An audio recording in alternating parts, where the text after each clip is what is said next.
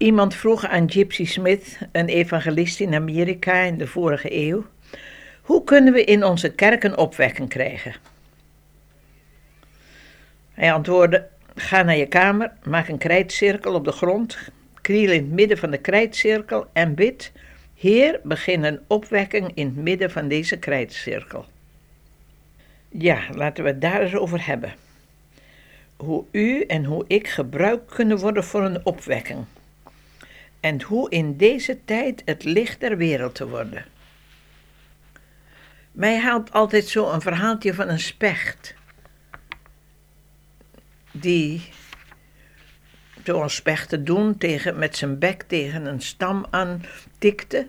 En hetzelfde ogenblik trof de bliksem die uh, boom. En uh, die boom was helemaal kapot. En de vloog weg. En die zei tegen de andere vogels: Ik wist niet dat er zo'n geweldige kracht in mijn bek was. Kijk, als u en ik gebruikt willen worden, dan hoeven we niet op onszelf te zien. Het is de Heilige Geest die het doet. En daarom kunnen we zo heel rustig uh, voortgaan. En dat er een wens is om gebruikt te worden, dat is al van de Heilige Geest. Het is onnodig dat de wereld weet dat het loon dat de zonde geeft, is de dood. Maar de genade die God schenkt, is het eeuwige leven in den Heer Jezus Christus. Begrijpt u dat? Ik begreep er heel weinig van, totdat ik in een moeilijke klas van de levensschool was. In een moeilijke klas leer je veel. Het was toen ik gevangene was en toen ik werd uh, verhoord door een zachtbearbeider, een, ja, eigenlijk een rechter die over mijn leven had te beslissen. Dat was oorlogstijd. En de Heer gaf me een gelegenheid om hem van de Heer te vertellen. En toen werd die man een vriend in plaats van een vijand. En toen liet hij me zien vreselijk gevaarlijke brieven die mijn doodvonnis konden betekenen, het doodvonnis van mijn vrienden en mijn familie in de gevangenis. En hij wist hoe gevaarlijk ze waren en op een ogenblik gooide hij ze zo in de kachel. En toen ik daar zag dat die vlammen die vreselijke gevaarlijke papieren verteerden, toen was het net alsof ik voor het eerst iets begreep van Colossense 2 vers 14, waar geschreven is dat het handschrift van onze zonde door Jezus uit de weg genomen is en aan het kruis genageld. Zie toen begreep ik een beetje dat het eeuwige leven door God geschonken wordt door den Heer Jezus Christus. En maar misschien zeggen sommigen, ja maar ik begrijp dat niet. Wat moet ik nou doen om dat te krijgen? En Jezus zei, tenzij iemand wedergeboren wordt, hij kan het koninkrijk gods niet zien en niet ingaan. En hij zei ook, kom tot mij alle die vermoeid en belast zijn. Ik zal je rust geven. In Laodicea, daar waren mensen, nou, ik zou kunnen zeggen, echte uh, christelijke mensen, die ook zeiden tegen elkaar, ik ben rijk en ik heb aan geen ding gebrek. Maar er was één ding dat ontbrak. Iets heel gewichtigs.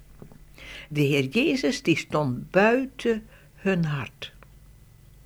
En toen zei de Heer, ik sta aan de deur en de klop. En als je mijn stem hoort en de deur opent, dan kom ik binnen. Als u Jezus vraagt in uw hart te komen, komt Hij. En dan doet Hij het wonder dat u in de familie van God geboren wordt. De Bijbel zegt, hen die Jezus aannemen, geeft hij de volmacht kinderen Gods te worden. Dan mag je tot God zeggen, Vader, mijn Vader. En hij zegt tot u, mijn kind. En het is zo belangrijk dat als dat gebeurt, dat de engelen zich verheugen. Want u bent heel kostbaar in Gods ogen. Als Jezus in uw hart komt, dan gaat u zien dat er nou een voorjaarsschoonmaak nodig is. En nu mag je alle zonden beleiden. Wie zijn zonde beleidt en laat in Jezus kracht, heeft verlossing door zijn bloed. Ik was dit jaar in Amerika. Toen was er een vrouw die echt positief luisterde. Maar toen ik zei: Wil je Jezus aannemen als je verlosser? zei ze: Ik zou het zo graag willen, maar ik kan het niet. En toen begreep ik wat haar nood was. Ze was bij een waarzegster geweest. Kijk, er zijn zonden die een gebondenheid met zich meebrengen, die veroorzaakt dat de duivel macht over je krijgt en houdt. Er zijn in deze tijd zoveel occulte zonden, ook in de christelijke kringen. En de mensen weten niet waarom ze in de duisternis zijn. Het staat heel duidelijk in Deuteronomium 18, vers 10. Onder u zal er niemand worden aangetroffen die waarzeggerij pleegt. Geen wichelaar, uitlegger van voortekenen. Of tovenaars, geen bezweerder. Niemand die de geest van een dode of een waarzeggende geest ondervraagt. Of die de dode raadpleegt. Ieder die deze dingen doet, is den Heer een gruwel. Ge zult onberispelijk staan tegenover den Heer uw God.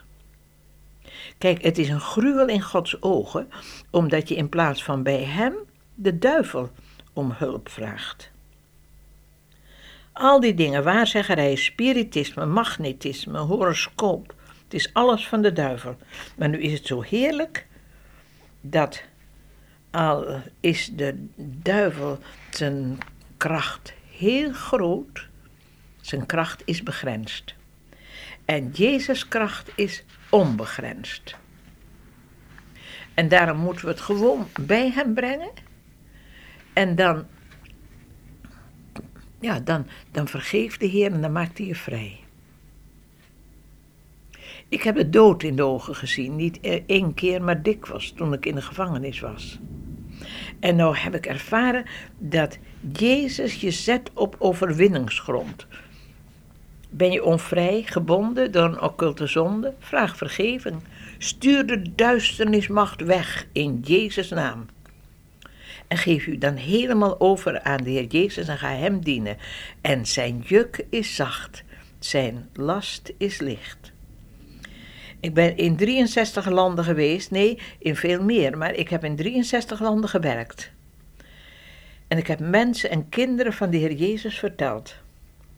En ik heb nooit iemand gevonden die zei dat het hem speet dat de Heer Jezus in zijn hart was gekomen. En u zult er ook geen spijt van hebben als u zich aan Hem overgeeft. Dank u, Heer Jezus, dat we daar zo van op aan kunnen. Want u hebt gezegd: Kom tot mij allen en dat was ook degene die nu geluisterd heeft.